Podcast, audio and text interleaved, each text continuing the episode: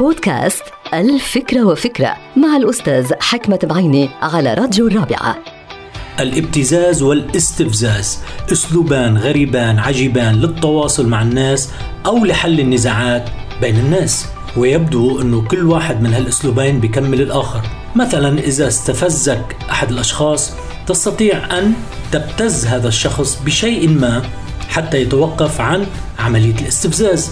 وإذا ابتزك أحد الأشخاص فما عليك إلا أن تستفز هذا الشخص قليلا ليتراجع عن عملية الاستفزاز. هي عملية أخذ ورد بمزاج سلبي لا يؤدي إلى أي نتيجة إلا إلى نتائج سلبية.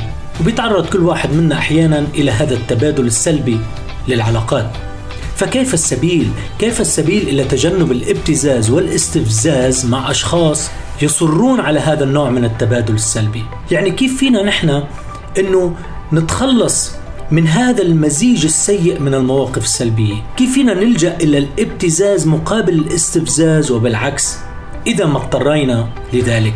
ولماذا؟ لما لا نواجه الفعل بمثله على قاعدة التعامل بالمثل؟ هل هذا هو قدر الناس أنه يتعاملوا ويعاملوا بعضهم بالمثل ولو كان الأمر فيه ابتزاز واستفزاز؟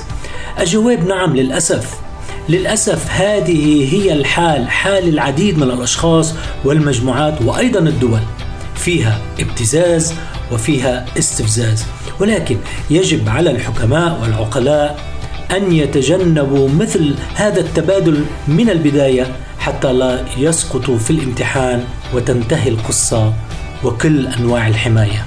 احذروا الابتزاز احذروا الاستفزاز. وجهان لعملة واحدة. انتهت الفكرة. هذه الحلقة مقتبسة من كتاب الفكرة وفكرة.